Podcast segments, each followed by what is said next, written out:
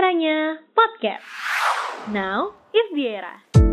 Halo Ramania, balik lagi sama Alma di Jadi Gini Loh Nah di Jadi Gini Loh hari ini gue bakal ngebahas undang-undang Yang kalau misalnya nih lo nggak hati-hati di sosial media Lo mungkin akan terjerat undang-undang ini Yes, undang-undang ini adalah UU ITE. Bahkan ya, Eramania, Amnesty Indonesia udah mencatat ada 84 kasus pelanggaran UU ITE di Indonesia sepanjang tahun 2021.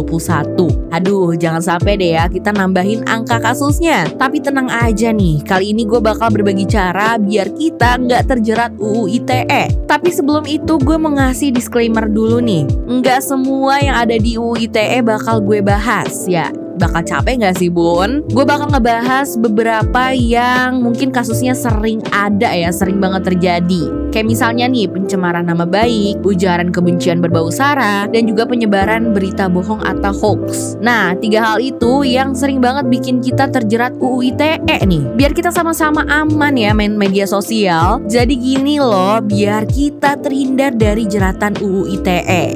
Yang pertama, gimana sih caranya biar kita nggak terjerat UU ITE soal pencemaran nama baik. Yang perlu lo inget nih Ramania, pencemaran nama baik ini adalah suatu kejahatan yang bisa langsung diproses oleh penyidik tanpa persetujuan korban. Dan ada media nih yang bisa jadi tempat untuk menyebarkan informasi ini.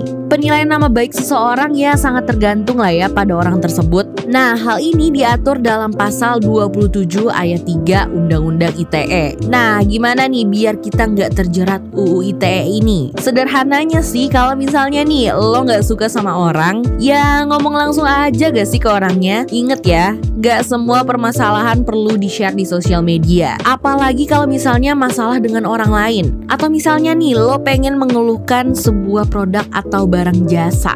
Saran gue sih Mania, lebih baik bikin surat keluhan konsumen langsung ke perusahaan tersebut. Ya walaupun gue tahu sih sesuatu yang viral diprosesnya bakal lebih cepat. Tapi lo mau nih, cuman karena komplain di sosial media akhirnya lo kena UU ITE. Apalagi kalau misalnya nih lo langsung nyebut nama orang atau perusahaan yang ingin lo keluhin. Lo bisa terjerat kasus pencemaran nama baik lo. Gak mau kan? Pasti nih, sadar gak sadar, gibah ini adalah sesuatu hal yang lo mungkin lakuin gitu ya Ramania. Walaupun mungkin awalnya lo gak pengen gibah, tapi akhirnya gibah juga gitu kan. Tapi tenang aja nih buat lo yang suka gibah nih sama temen-temen lo.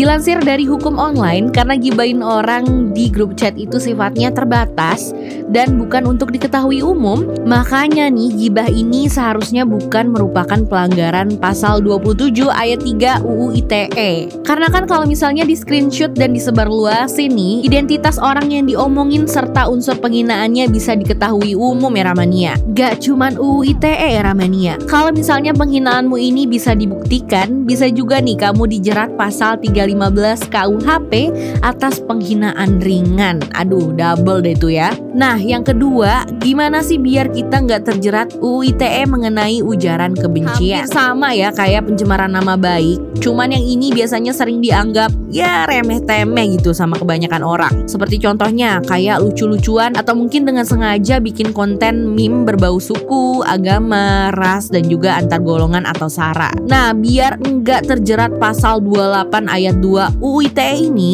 ya hati-hati deh pas ingin mengungkapkan pendapat di sosial media. Pikirin dulu nih, yang bakal lo utarain itu bakal menyinggung sara atau enggak? Ya walaupun buat lucu-lucuan doang sih Intinya kita kan gak pernah tahu Apakah seorang atau kelompok tertentu bakal tersinggung gitu Atas apa yang kita ucapin di sosial media Yang bahkan kalau misalnya kita anggap itu cuman remeh-temeh atau cuman lucu-lucuan aja. Hati-hati ya Ramania Yang terakhir adalah UU ITE yang sering banget nih menjerat dan mungkin kita nggak sadar udah melakukan hal ini Yaitu adalah penyebaran berita bohong atau hoax Nih yuk ibu-ibu Facebook coba disimak ya Hehe, bercanda ya Bu. Pelanggaran ini diatur pada pasal 28 ayat 1 UU ITE. Namun di pasal ini hanya menyebutkan berita bohong yang mengakibatkan kerugian konsumen dalam transaksi elektronik. Hoax ini nih yang mesti diwaspadai. Nah, untuk menghindari jeratan UU ITE ini, selalu pastikan lo dapat informasi yang bener ya sebelum membagikan di sosial media. Kalau cuman misalnya dapat informasi yang setengah-setengah simpang siur jujur,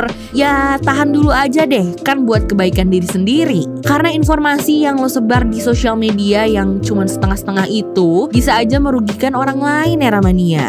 Nah itu tadi era mania biar kita nggak terjerat UU ITE yang sering banget ngejerat netizen-netizen di sosial media. Sebenarnya UU ITE ini masih banyak banget kalau misalnya harus dijabarin. Tapi intinya buat lo sebelum membagikan informasi ya hati-hati dulu. Pikirin dulu apakah akan merugikan orang lain atau enggak gitu. Selalu perlakukan hidup di sosial media sama dengan hidup di dunia nyata era mania. Ya walaupun nih di sosial media kita semata-mata tuh bersembunyi di balik sebuah akun. Tapi inget ya keberadaan kita tuh bisa dilacak loh era mania.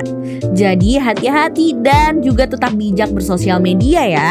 Pada nih nyebarin berita-berita hoax atau berita-berita palsu, lebih baik nyebarin berita-berita yang kredibel dan juga berita-berita terbaru dari era nih era mania. Jadi misalnya nih lo mau tahu berita-berita terbaru dan lo mungkin mau nge-share gitu ya ke teman-teman lo, jangan ragu-ragu untuk main ke media sosialnya era era.id. Sampai jumpa di jadi gini lo selanjutnya. Bye bye era mania. Eranya podcast. Now is the era.